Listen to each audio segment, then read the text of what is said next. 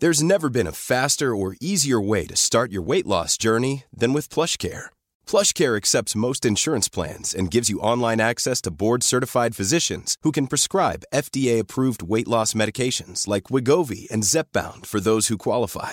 Take charge of your health and speak with a board-certified physician about a weight loss plan that's right for you. Get started today at plushcare.com slash weight loss. That's plushcare.com slash weight loss. plushcare.com slash weight loss. Hey, I'm Ryan Reynolds. At Mint Mobile, we like to do the opposite of what Big Wireless does. They charge you a lot, we charge you a little. So naturally, when they announced they'd be raising their prices due to inflation, we decided to deflate our prices due to not hating you.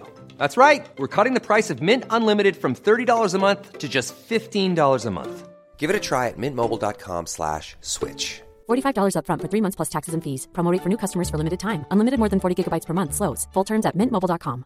Hiring for your small business? If you're not looking for professionals on LinkedIn, you're looking in the wrong place. That's like looking for your car keys in a fish tank.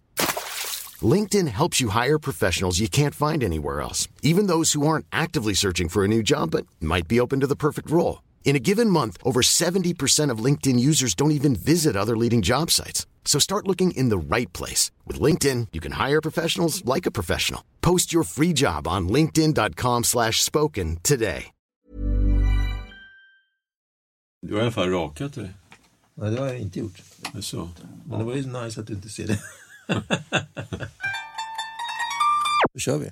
Välkomna till ännu ett avsnitt av Mellanösternpodden som idag landar i Nordafrika. Eh, när den arabiska våren drog igång för sådär en tio år sedan så var det eh, flera länder i Nordafrika som eh, naturligtvis drabbades mer eller mindre hårt och kraftigt. Och konsekvenserna ser vi fortfarande idag. Men det är också så att länderna i Nordafrika skiljer sig en del från andra delar av, av Mellanöstern när det gäller konsekvenserna av den arabiska våren. Så för att hjälpa oss att reda ut vad det beror på och vad det kan ha för konsekvenser i framtiden så har vi med oss vår ambassadör i Tunis, Anna Blockmo säger. Och välkommen till eh, Mellanösternpodden, Anna. Tack, tack.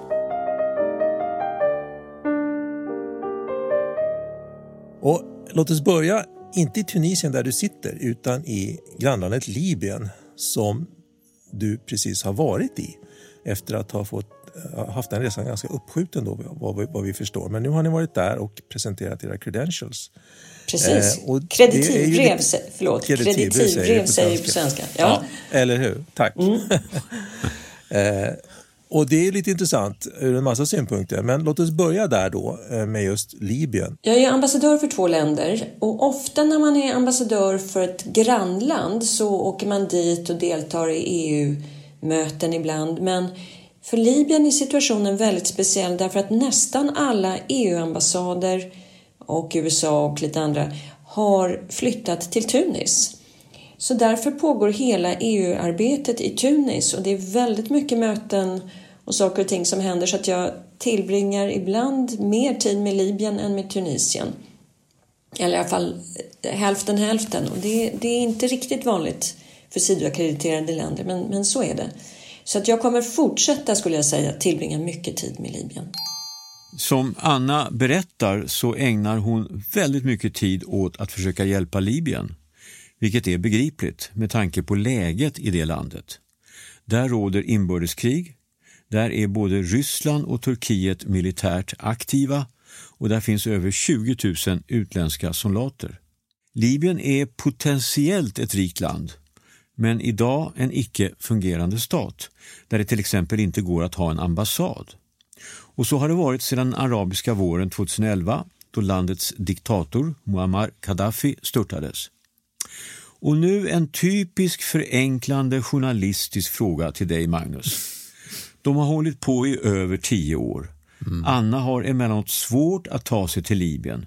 Det är för osäkert. Är det inte lika bra att dela upp landet i två? Då blir bägge sidor kanske nöjda och man blir av med inbördeskriget och så får Anna vara ambassadör till tre länder istället för två. Frågan går till dig Magnus. Varför inte Östlibyen och Västlibyen? Vi har ju två aktuella exempel på en sån där delning. Sydsudan och Nordmakedonien. Ja, märkligare ting har ju inträffat förvisso. Och man kan ju, man kan ju faktiskt också konstatera då att, att Libyen innan det blev Libyen faktiskt var, var uppdelad på till och med tre olika distrikt då. Tripolitanien, eh, Cyrenaica då längre österut och eh, eh Fezzan som var den sydligaste delen. En del konflikter har ju löst på det viset. Nu tror jag inte att det är aktuellt i det här fallet. Jag tror att det blir omöjligt därför att ingen sida i den här konflikten är intresserad av att bara få en del. Man, alla man vill, ha alla, hela kakan. Alla vill ha hela, precis. Så att ska det här lösas så måste det nog ske med någon form av kompromiss. Men själva, själva, själva tanken att, att dela upp, det är inte alls någon, någon, någon idiotisk tanke. Du borde åka ner och prata med dem. Det borde jag definitivt göra. Det låter som om du har fullt upp med dessa två länder, men undrar ändå nyfiket, har Sverige särskilda frågor som man arbetar med i Tunisien? Alltså vi är ju en del av EU och vi är en del av, eh, av FN-systemet så att vi står väldigt starkt bakom dem. Men det finns också några biståndsprojekt och några hjärtefrågor vi har och hjärtefrågorna är särskilt demokrati och jämställdhet.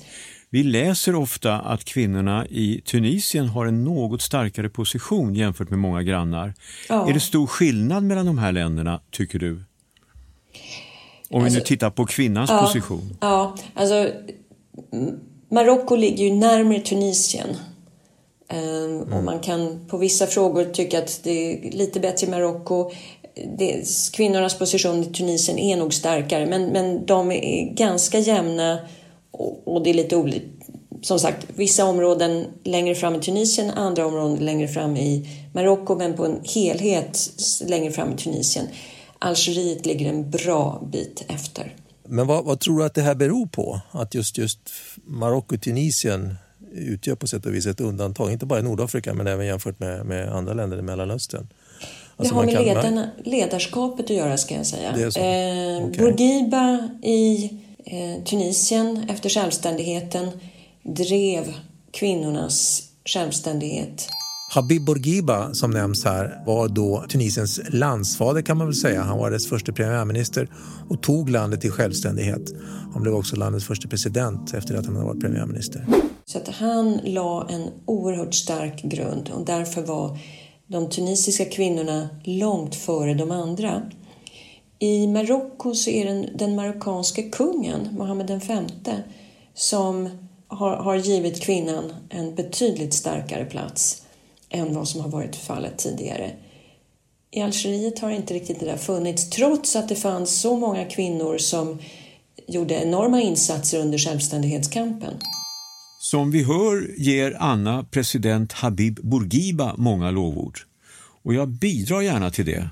Tycker att han ofta hade både mod och klarsyn och vill berätta för våra lyssnare om en intressant episod som belyser just det. Året är 1965 och Bourguiba besöker den palestinska ledningen i Jeriko och håller efteråt ett offentligt tal där han läxar upp den palestinska ledningen uppmanar den att sluta med att säga vi ska ha allt eller inget och istället förhandla med israelerna.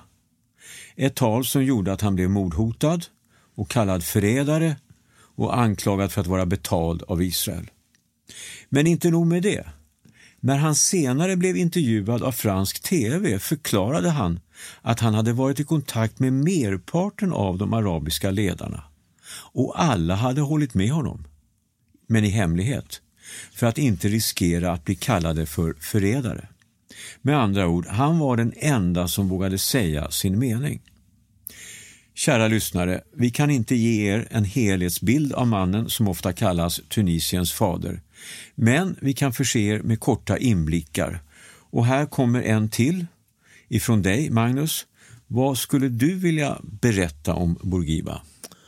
Ja, jag, jag, tror att det är talande det här eh, exemplet som du ger. Eh, därför att vad Bourguiba gjorde när Tunisien blev självständigt var ju att han lyckades oblodigt, helt och hållet i stort sett, förhandla fram självständighet för, för, för, för Tunisien från Frankrike.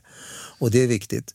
Och det kommer sig naturligtvis av att han, att han hade den här pragmatiska, väldigt realistiska inställningen. Och det är intressant att han var så långt före det som idag då 2020-2021 håller på att förändra eh, Mellanöstern där då de arabiska ledare i allt snabbare takt faktiskt normaliserar eh, förbindelserna med Israel. Så att han var ju långt före sin tid.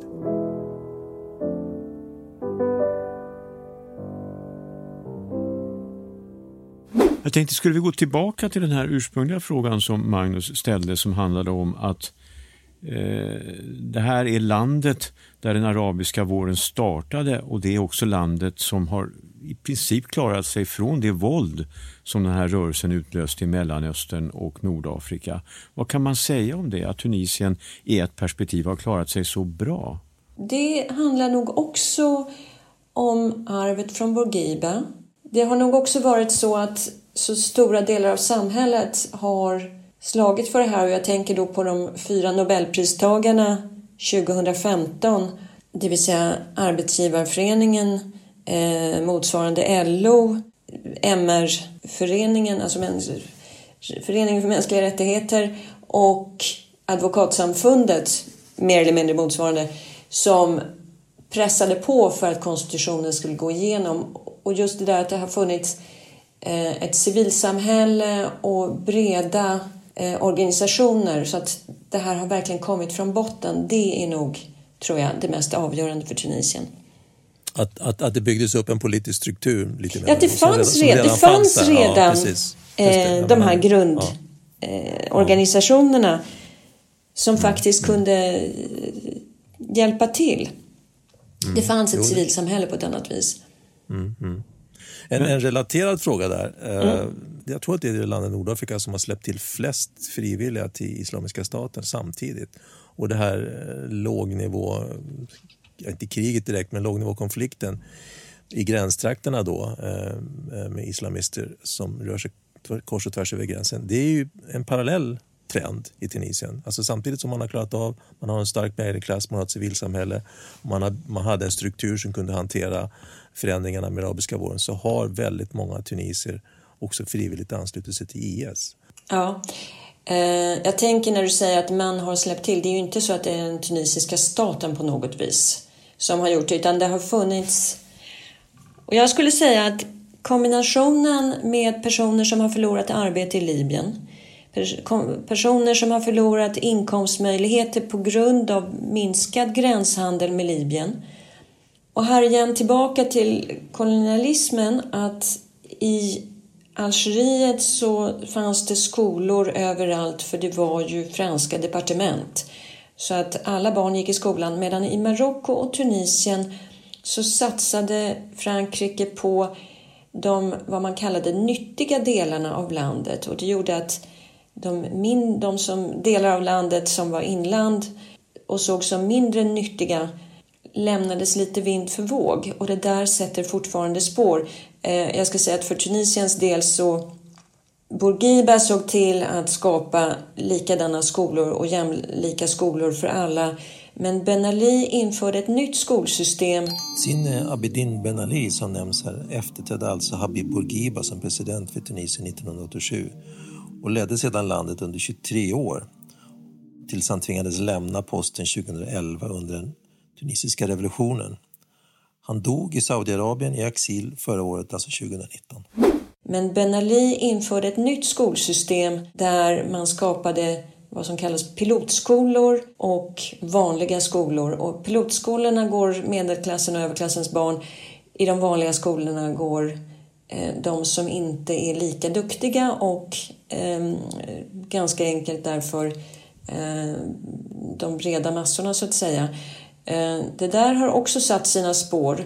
En känsla av att, att ha varit övergiven och det finns väldigt starkt i Tunisien att det är de rika delarna av landet längs kusten och så inlandet som har varit eftersatt länge och det är därifrån de här människorna som har anslutit sig till IS kommer ifrån. Anna har ju alltså berättat för oss nu att Tunisien har många förlorare. Mängder mm. av medborgare som har blivit av med sin inkomst, mm. mest i inlandet.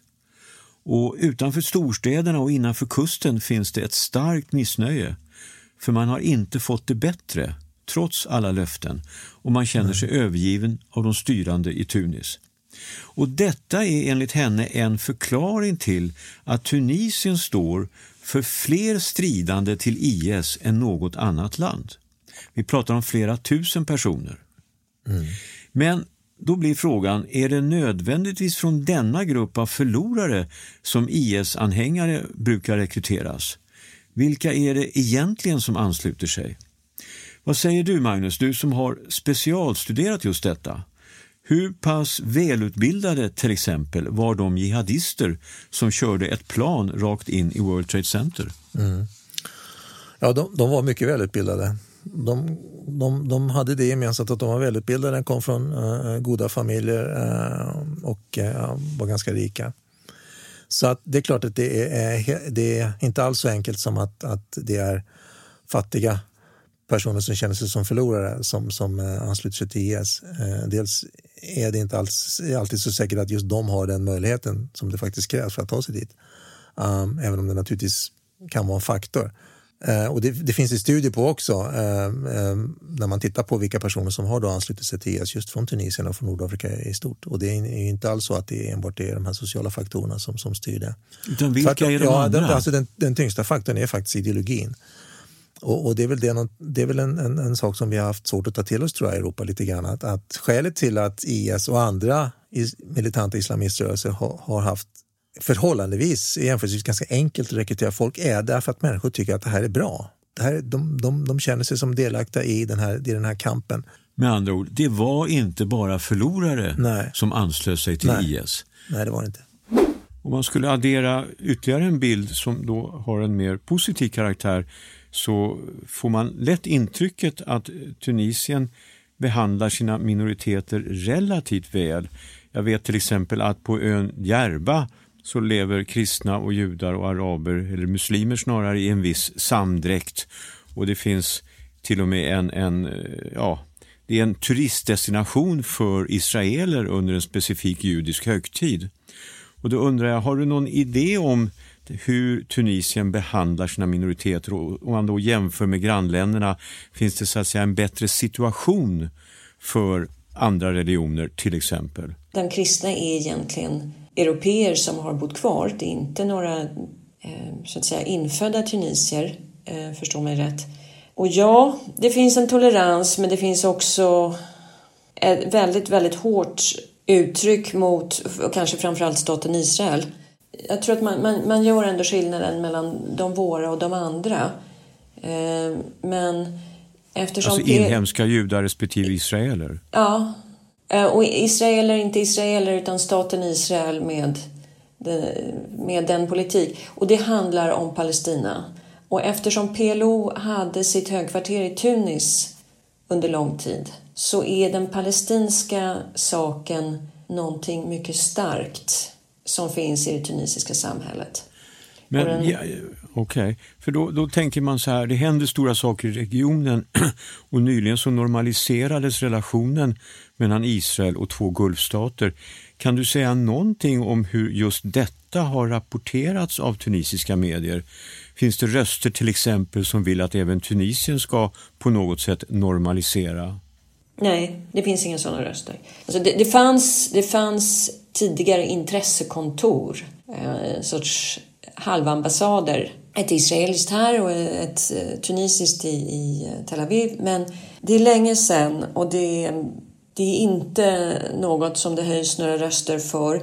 Tvärtom så den ganska nyvalde presidenten, han valdes för ett år sedan, har i sin utrikespolitiska agenda Palestina, grannländerna och hör särskilt Libyen och sen är det lite tomt och sen kanske EU och lite annat. Och han träffar ofta den palestinska ambassadören så att eh, i alla fall inte från hans sida och han har mångas öron. Vilket inte hindrar ändå att presidenten var mycket noga med att eh, överrabbinen satt vid sidan av muftin och Hallå? där... Nu försvann du. Försvinner jag? Nu försvann hon. Anna! Nu, hallå, hallå, Anna är tillbaka! Ja. Välkommen!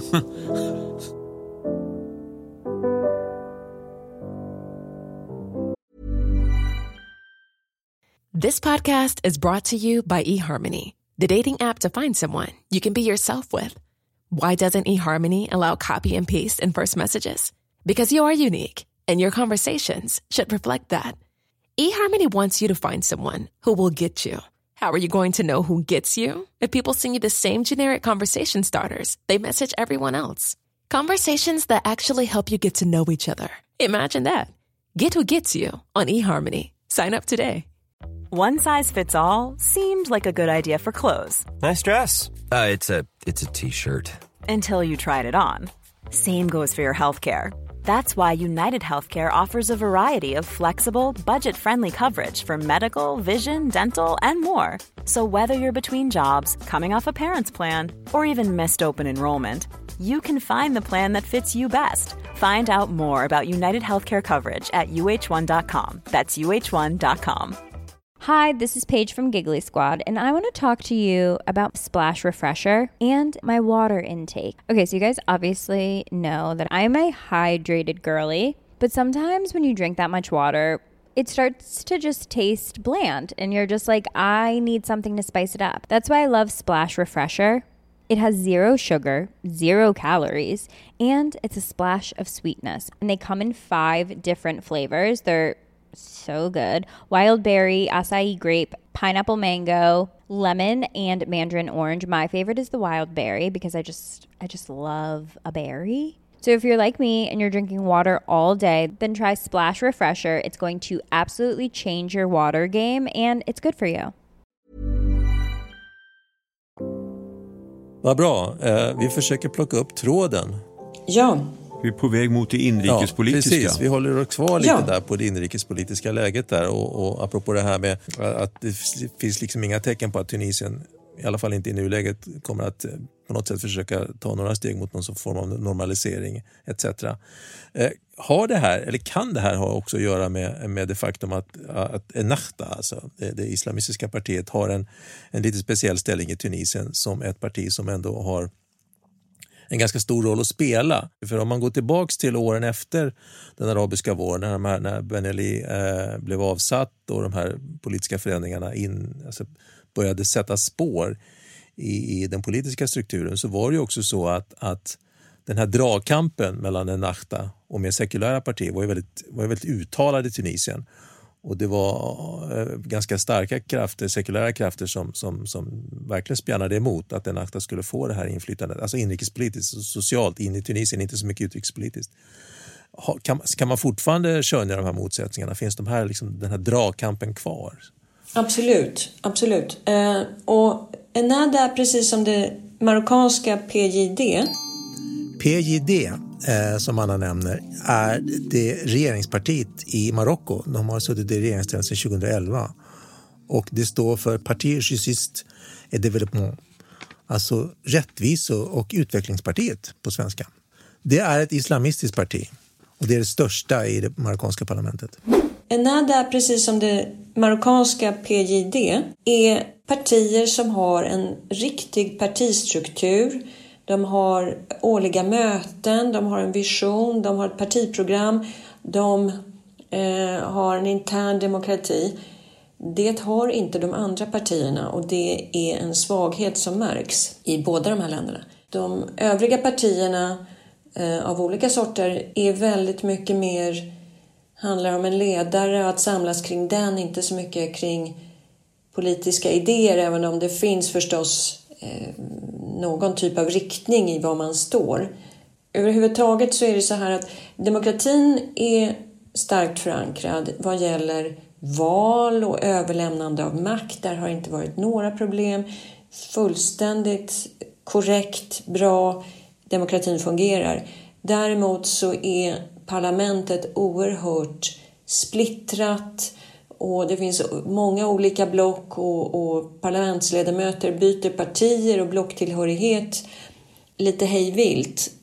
Och det är förstås inte så enkelt och det gör också att regeringen inte har så stark förankring i parlamentet. Det har å andra sidan inte heller presidenten för han, kommer ju han har ingen politisk erfarenhet och kommer inte från något politiskt parti. Men jag skulle vilja addera en kort fråga kring Enada. Alltså det är inte så att det finns en rädsla för att det här partiet i framtiden kommer att växa till sig och på något sätt göra Tunisien till ett mer islamskt land? Jo, landet är ganska polariserat kring mellan de som vill ha någonting mer mindre, mer sekulärt. Mm -hmm. Jag höll på att säga västerländskt, men det är just vad Enada säger att ni vill bara vara västerlänningar, lämna i så fall. Mm. Det är nog så att många personer stödjer Enada därför att de står för de trygga och sanna värdena. Eh, det är ju väldigt lätt att kunna hänvisa till Koranen och säga att det här är ju vad Gud har sagt och nu ska vi följa det. Mm. Samtidigt så är det så att Enada får större och större trovärdighetsproblem därför att folk ser att det här har inte levererat men det gäller hela det demokratiska systemet. Att mm. framförallt de fattigaste känner att snart har det gått tio år sedan revolutionen och de har inte fått det bättre. De stora massorna har inte fått det bättre. Och det gör att det finns ett parti som vill tillbaka till den gamla goda Ben Ali-tiden. Och det mm, partiet det. växer. Vad som ju också har hänt nämligen under de senaste åren, det var ju två ganska stora terrorattentat 2015 Just det. Just som gör att europeiska turister inte riktigt kommer till Tunisien längre. Det har kommit istället en hel del, fram till corona, eh, algerier och libyer. Men de har ju inte köpt något hantverk härifrån. De har bott på hotell Eh, och ätit på restaurang men inte något hantverk och inte riktigt konsumerat på samma sätt som, som européerna gjorde. Och det gör att de här, all, alla som jobbar i, i den typen av turistindustri, eh, souvenirer av olika sort, säger oftare det var bättre på Ben Alis tid. Mm. Men skulle du säga att Enadas stora stöd är utanför städerna? Alltså, Tunisien är lite uppdelat i två. Det är kustlandet mm. där turister åker och där det är mer västerländskt. Mm. Och det är inlandet och i inlandet definitivt starkare stöd för Enada. Men det finns förstås stöd för Enada också i kustlandet och där det pekas lite finger på människor som lever eh, kanske inte enligt de rätta värdena.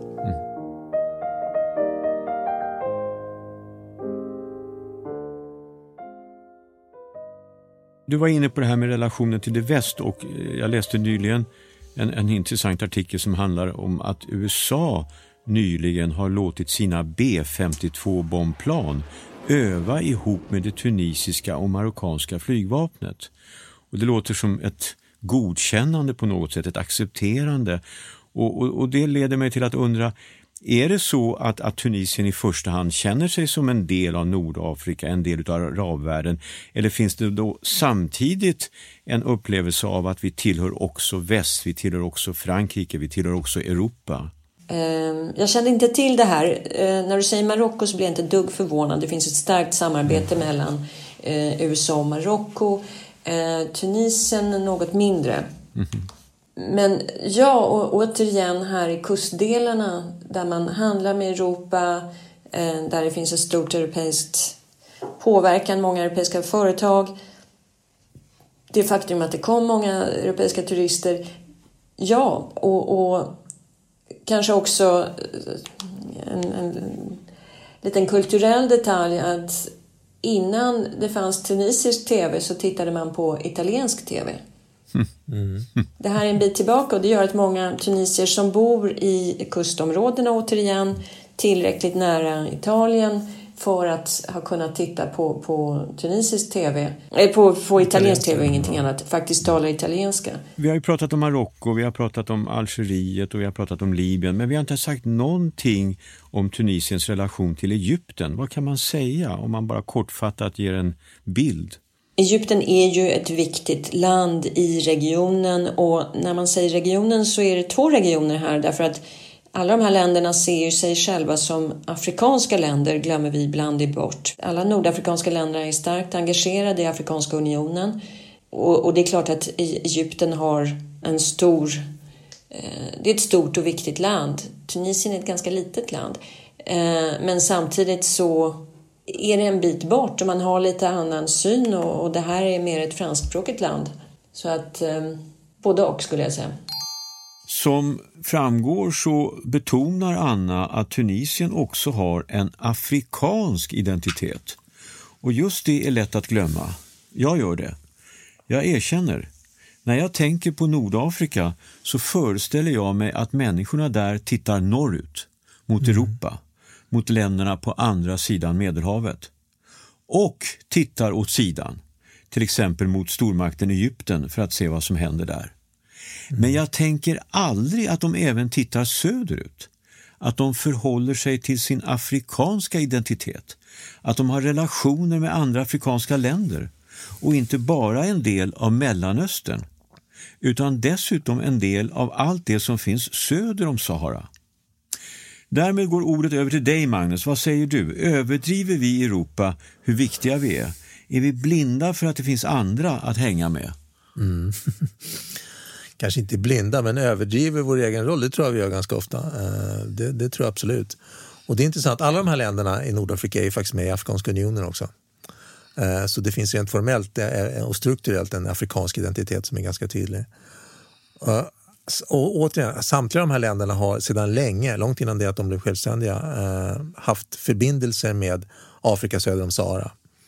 Sahara är och när du säger förbindelser, ja, vad betyder det? Handelsförbindelser i alla möjliga eh, betydelser, alltså med, med, med varor och med slavar och med ja, idéer. Allt möjligt. Så att det, det har, förbindelserna har funnits där väldigt, väldigt länge, söderut. Så visst, jag tror att vi, att vi tenderar kanske att underskatta den afrikanska identiteten. Av de här länderna så är det Marocko kan bäst och de är, har ju varit väldigt tydliga med eh, sin afrikanska identitet. Jag tror att jag nämnde vid något tidigare tillfälle att, att den, kung Hassan II som satt väldigt länge betecknade ju sitt, sitt, land som att man hade sina rötter i Afrika och, och, och, kronan i Europa som ett träd. Och det tror jag kan gälla för de andra länderna också. Så det bör man ha i åtanke. Okej. Okay.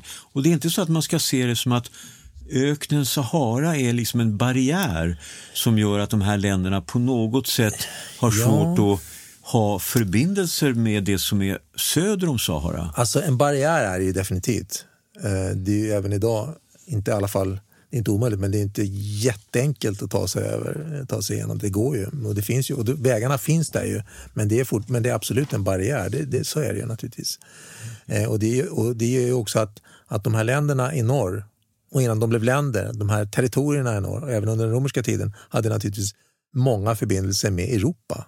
Så det är lika sant att förbindelserna norrut är också väldigt tydliga och väldigt gamla och går tillbaka också före kolonialtiden också. Och det, men det ger dem ett läge, skulle jag säga, um, som är lite speciellt. Alltså, som skiljer Nordafrika från, uh, från Levanten. Alltså, um, Syrien, Irak, Jordanien, Israel uh, och de länderna där borta. Uh, och det spelar naturligtvis roll, både kulturellt och, och, och handelsmässigt och politiskt. Det för mig på en annan, annan, fråga här vi har diskuterat tidigare i olika sammanhang. Eh, också ett sorts, vad ska vi säga, inte arv, men en konsekvens av arabiska våren. När man tittar bakåt här så, så kan man se att när det gäller monarkierna i regionen, alltså både Mellanöstern och Nordafrika, så har de quote unquote, klarat sig bättre än republikerna. Har du någon uppfattning, du som har varit i både monarki och republik? En kommentar till det, för det där är lite en intressant fråga när man tittar på hur länderna har hanterat de här stormarna. Alltså, den marockanske kungen då står ju för en gammal stabilitet och han är dessutom religiös ledare. Mm. Eh, detsamma gäller ju Jordanien. Eh, och mm. det gör att det, det är ingenting man flyttar på. Nej. Och den marockanske kungen är enormt populär i, i Marocko. Marockaner kan vara missnöjda med regeringen men sällan missnöjda med kungen. Och det är klart att finns det en sån typ av ledare som hanterar, hanterar saker och ting väl så, så ger det en stabilitet åt landet. Medan här, när man störtade en president så, så blev det lite vakuum.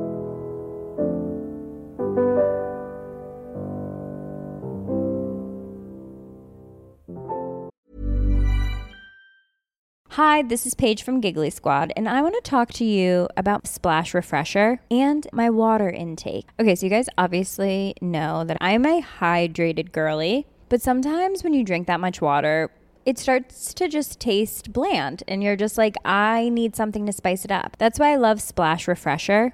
It has zero sugar, zero calories, and it's a splash of sweetness. And they come in five different flavors. They're so good. Wild berry, acai grape, pineapple mango, lemon, and mandarin orange. My favorite is the wild berry because I just I just love a berry. So if you're like me and you're drinking water all day, then try Splash Refresher. It's going to absolutely change your water game and it's good for you. ACAST powers the world's best podcasts. Here's a show that we recommend. The Real Housewives is a guilty pleasure for most, but if you're looking to not feel guilty about that pleasure, tune in to Everything Iconic with me, Danny Pellegrino, where I break down all the messy moments and behind the scenes antics of Bravo's popular franchise. And on Everything Iconic, I also interview celebrity guests like Kelly Ripa, Kiki Palmer, Drew Barrymore, Cameron Diaz, and more about their guilty pleasures, their past work, and so much more. So if you're pop culture obsessed and find yourself watching way too much reality TV like me, tune in to Everything Iconic with Danny Pellegrino wherever you listen to podcasts. ACAST helps creators launch, grow, and monetize their podcasts everywhere. ACAST.com. När du representerar Sverige, du är ambassadör i Tunis, så att säga, vad är inställningen till Sverige? Vet folk vad Sverige är för någonting? Hur blir du bemött? Så att säga, är, är Sverige ett begrepp som människor kan relatera till eller det är någonstans där uppe i norr? Nej, alltså det finns väldigt goda tankar om Sverige och det är jättekul. Mm -hmm. um, sen är kunskaperna lite olika förstås, men mm -hmm. uh, fortfarande en, en välfärdsstat där människor respekteras. Vi har lite konstiga idéer om, om hur långt man ska gå med jämställdhet och lite sådär ibland, men Eh, svenskar uppfattas som pålitliga, tydliga, stort bistånd, eh, pålitliga i FN-sammanhang. Det finns en del historiska faktorer. Dag Hammarskjölds mm-hmm. lösning av Bizert-krisen mm-hmm. eh, eh, i samband med självständigheten. Eh, det faktum att vi, vi alltid har stått här, att vi erkände Palestina. Eh, det otroligt lyckade statsbesöket 2015. Att svenska företag faktiskt uppför sig väl. En svensk, ett svenskt företag här berättade att de hade fått ett brev från Skattemyndigheten som berömde dem för att de betalade sin skatt så ordentligt varje år. Det är jätteroligt att höra sånt. Um, så att jag märker att jag möter, och framförallt på regeringshåll och offentliga eh, uppskattning för Sverige. Mm. Uppskattning. Men, men också ganska brett bland människor. Så att, ja. Sista frågan då. Om du tittar 5-10 år framåt när det gäller Tunisien, vad, vad, vad ser du då? Klarar, klarar Tunisien de här utmaningarna? Kan man hantera den här, de här eh, fort pågående, eh, som det ju faktiskt är, förändringarna både socialt och politiskt? Jag är alltid optimistisk. Det är bra. Det är en bra grundförutsättning. Eh, så jag är övertygad om att det kommer gå bra till slut, också Israel och Palestina. För annars orkar man ju inte hålla på med den här eh, regionen. Men, nej, men det är bra. Är det, jag, det är bra. tänkte uh, fråga dig, är det hjärnan jag... eller hjärtat som talar nu? ja, man ska eller inte underskatta hjärtat. Nej, eh, hur som helst. Eh, Ja, eh, det ser skakigt ut framöver. Eh, ekonomin har tagit en stor stöt av corona, eh, men inte bara, utan det handlar också om hur ekonomin sköts. Det finns en stor risk i det här att, att det inte är tillräckligt väl fördelade rikedomar. Det är inte jättestora rikedomar.